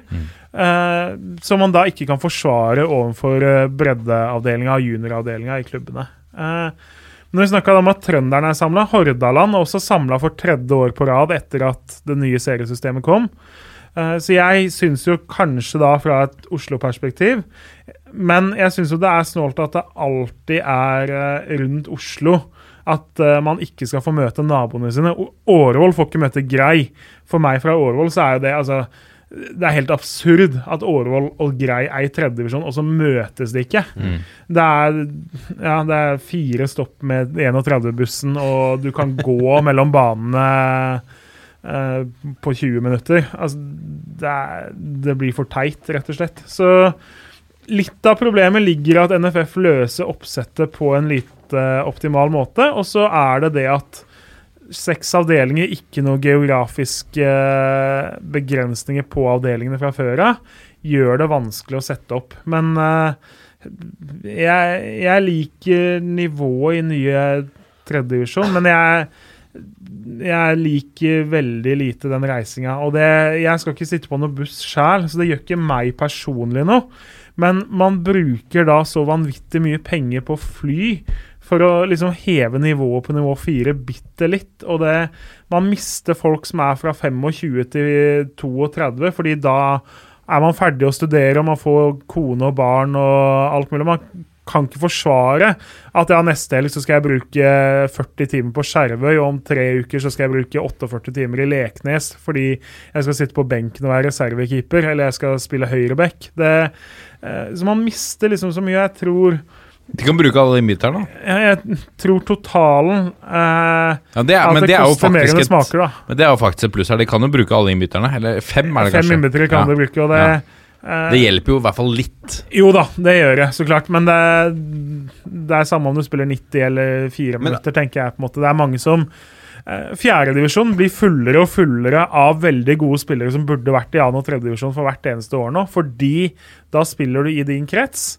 Eh, det gjør du ikke i andre Men bør de det når de Hvis Ja, Altså, ja, altså man, For Vi skal spille på et høyere nivå. Du er jo nødt til å legge mer i dette enn Ja da, noe, altså noe må du regne med, men at Skjetten skal regne med at de må ni turer til Nord-Norge annethvert år, når de har eh, 70 klubber innafor to timers eh, busstur som er jevngode med Skjervøy, som de kunne møtt isteden, da. Det sliter jeg med å skjønne poenget med. Og, og, jeg, og jeg skjønner at dette blir økonomisk utfordrende for klubber på det nivået der. For at selv på eliteserienivå så er det jo klubber når de reiser på bortekamp med fly og kanskje hotellovernatting, så reiser de med 16 eller 17-mannstropp for å spare penger på å ikke sende full tropp. Det er jo noen av de som kjører buss også. Jo, jo, de det er, jo, jo, det er jo det, men altså selv i Eliteserien ja. så liksom dropper du en spiller eller to fra kamptroppen Mm. for å spare penger. Og det er på høyeste nivå. Det er klart det blir jo det. Hvis du spiller eh, 15 bortekamper, så sparer du et eh, par spillere hver gang. Så Ja, ja. blir du kroner av det. Men i en avdeling der um, jeg vil påstå at NFF har truffet bra, det er i nummer tre. For da tenker jeg jo først og fremst på to lag uh, som står rett etter hverandre her, og det er Brodd, og det er min gamle klubb, Verdeneset. Det er mm, to eh, klubber som eh, ikke liker hverandre særlig godt. Mm. Eh, noen, Er det et hatoppgjør? det, det er et av de største hatoppgjørene i Norge, vil jeg påstå. Oi. Um, Har du noe historikk? Noen gode historier? Ja, jeg har sjøl blitt utvist i det oppgjøret. Men uh, ja, etter en grusom albue. Hæ? Munnbruk? Det var faktisk eh, Slag, mente dommeren. Ja. Slag? Det er rødt kort. det, ja, ja, etter regelboka. Ja. Men det var aldri slag. Det var aldri slag. Det var filming. Eh, solklar filming. Jeg har aldri slått et menneske i mitt liv. Aldri forsøkt heller. Eh, så det tok jeg faktisk ganske tungt. Eh, at eh, folk trodde jeg hadde slått noen før. Men eh, Ja, for da fikk du liksom to-tre kamper, da, eller? Eh, Jeg tror jeg fikk to kamper. Ja. Men uh, uansett, eh, det var ren filming fra, fra motspiller som uh, jeg uh, Jeg dytta han i, i brystet i en ren duell, der jeg skulle inn i boksen, og, og han prøvde å stoppe meg, og så bare dytter jeg han vekk. Og så er det faktisk film òg av dette her, der det ser veldig ut som at jeg slår. Så det er ganske trykka situasjon for, for min del, dette her. Det ser ikke bra ut. Dette ser ikke så bra ut. Nei, derfor har jeg veldig sånn respekt for andre som eh, som hevder seg urettferdig behandla på, på sånne ting. Men uansett, nok om det. Det er ikke det som er poenget. Eh, Brodd Verdnes er et eh, nydelig oppgjør. Eh, ja, det er gjerne ikke alltid nydelig, da. De møttes eh, nå nettopp i en eh, vinterturnering i Rogaland som ble kalt for Polturneringen. Eh, det, er et, eh, det er en turnering hvor eh, alle de eh, lokale lagene kan Nå har det kjernes på med et eller annet rød. Her. har Kjærnes Du kan jo gjette hvilken video vi sitter og viser for å la Ja, fortell oss ja, fordi det går ikke an å vise video i en podkast. Men uh, i den polturneringen, da, så Det er en vinterturnering hvor det blir spilt treningskamp i utgangspunktet, men eh, det var da kommet til en semifinale hvor uh, Brodd møtte Verdnes, og det endte da med en ganske stygg takling som resulterte i at eh, masse spillere eh, fra begge lag eh, løp inn på banen, og det oppsto et masseslagsmål med rapport, Det har blitt rapportert om kvelertak, om slag. Det var en um, daglig leder i Brodd, uh, også titulert eh, sportsgeneraldirektør, uten å nevne han ved navn, eh, som ble eh, sendt på tribunen. Eh, og eh, var rimelig eh, sint. eh, så eh, det er et eh, oppgjør der det alltid eh, skjer eh, ganske mye dramatiske ting. Eh, og det er jo fordi at eh, I hvert fall eh, i min tid så, så likte vi rett og slett ikke de på det andre laget. Mm. Og de likte nok ikke oss heller så godt.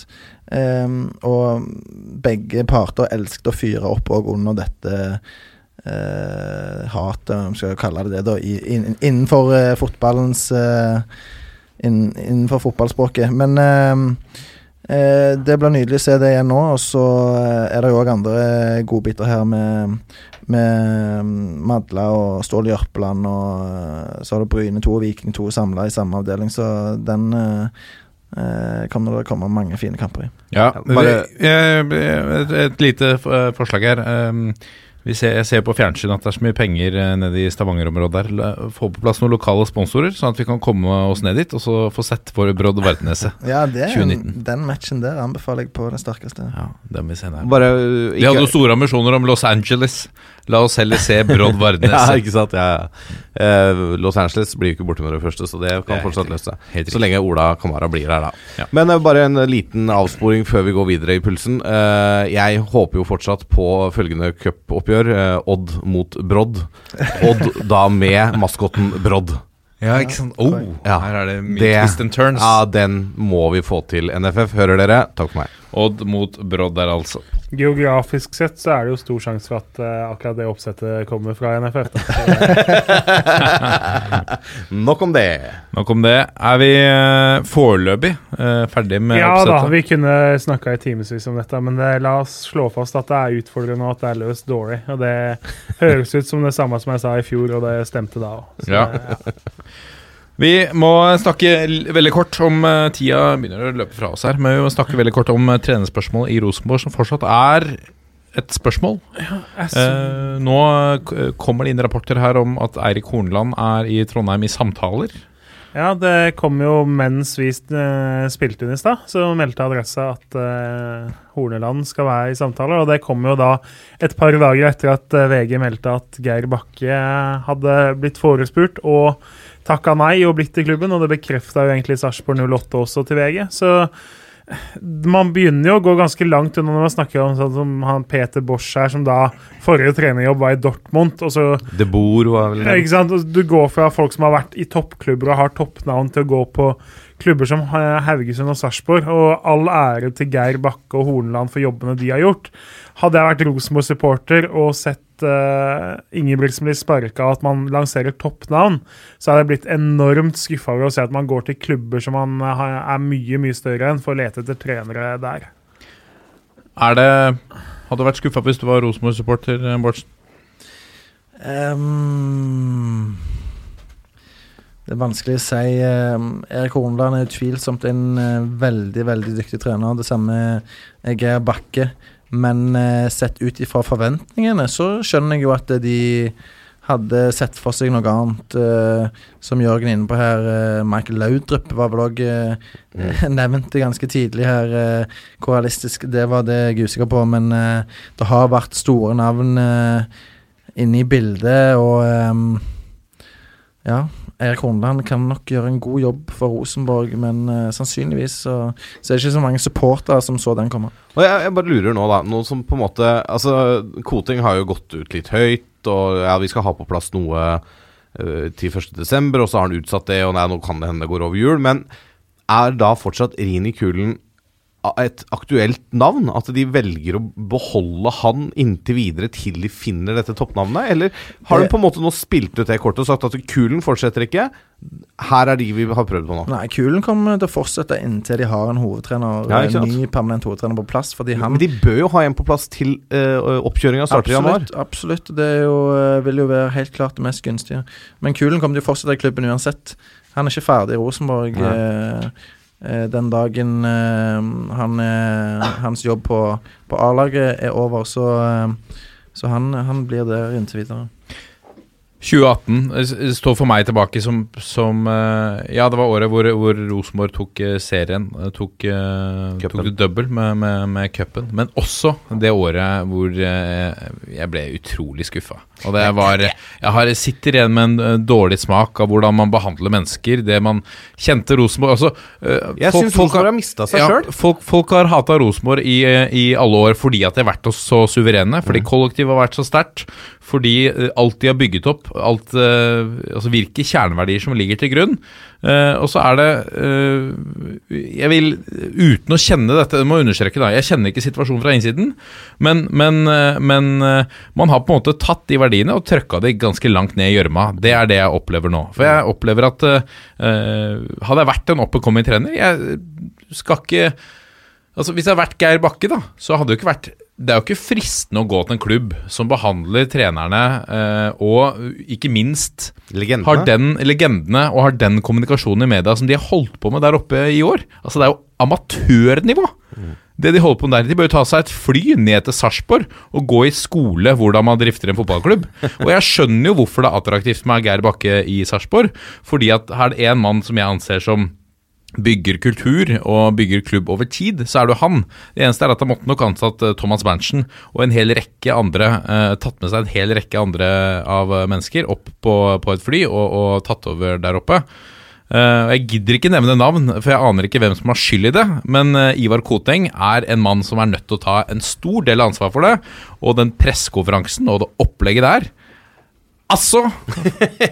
Jeg blir forbanna. Ja, jeg hører det. Sorry, det, ja, jo, men, men jeg, jeg, jeg er jo veldig mye enig, og det er som jeg sa i stad, de, de mister seg sjøl litt. Og de, de, de fremstår ikke som det lokomotivet i måten de er på. Altså, Rosenborg var en klubb alle så til.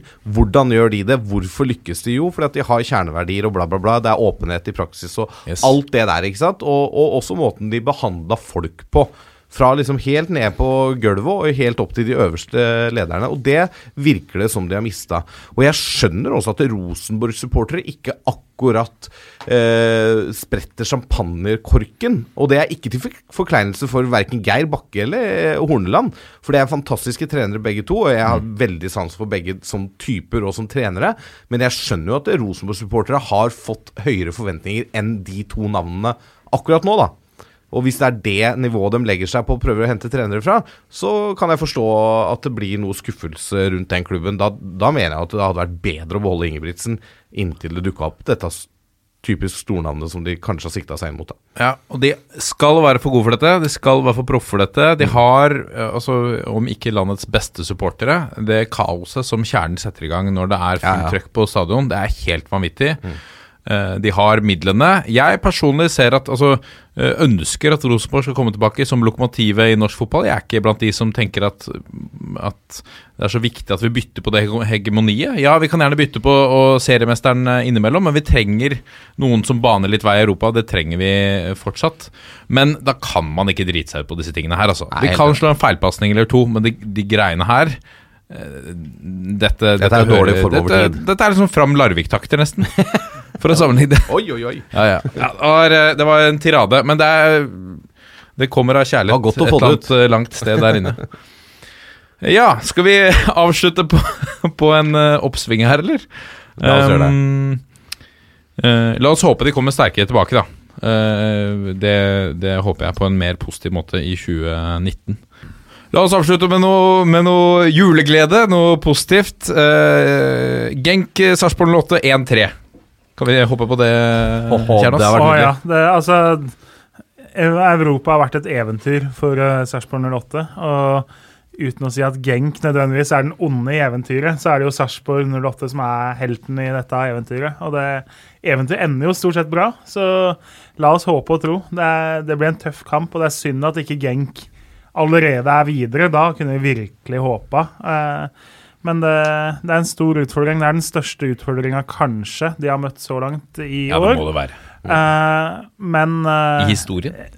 Ja, det kan det godt være. Uh, det er det vel sannsynligvis òg. Men I Sarp sin historie. ja. Ja, den er bare ti år, så Det er nettopp det. Men nei, det, de har imponert på bortebane gjennom hele kvaliken. Imponerte borte mot Malmö. Og skal de få det til, så må de dra fram sin beste kamp i klubbhistorien. Eh, der ligger lista, men det håpet lever. Håpet lever, men det blir en veldig veldig tøff match mot et Ja, og så er eh, det- godt Genk-lag. Og så er det jo sånn at uh, altså, Malmö taper jo sannsynligvis borte mot Besiktas. Uh, og da er jo Da må de slå Altså det, det de måtte jo gjort uansett, men altså det er eh, De må, vi må ha uavgjort da mellom Ja, Besiktas ja. og, Ja, ja ikke Og sant. Ja, du må, må ha litt hjelp også. ja, så må Sarpsborg vinne. Ja. Ja, det kan skje. Kan skje, og det er lov å håpe. eh, det, men uansett hvordan dette ender for Sarpsborg, så skal de virkelig eh, gå med hevet hode for det de har prestert i Europaligaen, altså mot store, store klubber. Det, det, har vært en, eh, det har vært fantastisk å følge med. Ja, De kan absolutt gå med hevet hode i nissetoget i, i Sarpsborg. De er alle fra? Østfold på torsdag. Det skal nevne også at Rosenborg spiller borte mot Red Bull Leipzig. Eh, ut fra det vi har sett så langt i, i Europa, så eh, blir vel ikke poeng der, tror jeg. vi. blir vel ikke noen poeng der. oddsmessig da, så er Rosenborg det laget som er levende av minst sjanse av alle som spiller Champions League og eh, Europaliga denne Å, ja, det uka. såpass. Så det, der, der ligger den Ja, men det betyr jo ikke noe for de heller, akkurat nå. Det er noe cash for noen poeng, men det går kanskje ikke den veien. Men uh, når uh, er vi samla igjen, da? I, I dette rommet? Ja, det gjenstår å se. Jeg tør uh, tippe på i slutten av januar. Eh, og det da har vi går masse treningskamper som er spilt allerede. som vi kan der er snakke om. masse Det- å- Treningskamper er faktisk uh, Jeg vet ikke om jeg overdriver nå, men jeg hadde lyst til å si noe av det kjekkeste jeg vet. Ja, det, jeg Det er så kanskje deilig å se treningskamper. Men det er godt men jeg sagt. mener det. Jeg men er mener det. Så deilig å se treningskamper, og gå på treningskamper. Ja. Med den uh, varme kaffen og ei vaffel der. Veldig viktig med, med kioskservice. Det er en oppfordring til alle som arrangerer treningskamper. Ja, det er. Jeg, jeg gleder meg. Hvis dere vil ha besøk av uh, toppfotball og VG pluss sin egen Joakim Bårdsen på treningskamper, da må dere ha kioskservice. Kjør kiosk. Kjør kiosk. Der, altså. Kioskveltere. Tusen takk for et eh, fantastisk 2018. Det har eh, vært et, et stort år med i alt fra Eliteserien helt ned til 9. divisjon. Um, på begge sider. Eh, herre- og kvinnesiden. Eh, store opplevelser. Vi ser fram til et fantastisk 2019, forhåpentligvis. Eh, kanskje med nye Askeladder helt over der oppe i toppen. skal vi jo ha litt EM-kvalik der òg. Ja, det er fantastisk. Det er masse å glede seg til. glede seg til, altså. Men VM for damene. Vi må ønske alle våre lyttere å si tusen takk for året som har gått, og ønske alle sammen en god jul og et godt nytt år. Skal vi prøve oss på det på 1, 2, 3? 1, 2, Takk for meg. 1, 2, 3. God jul! Og godt nyttår. Og et godt nytt år.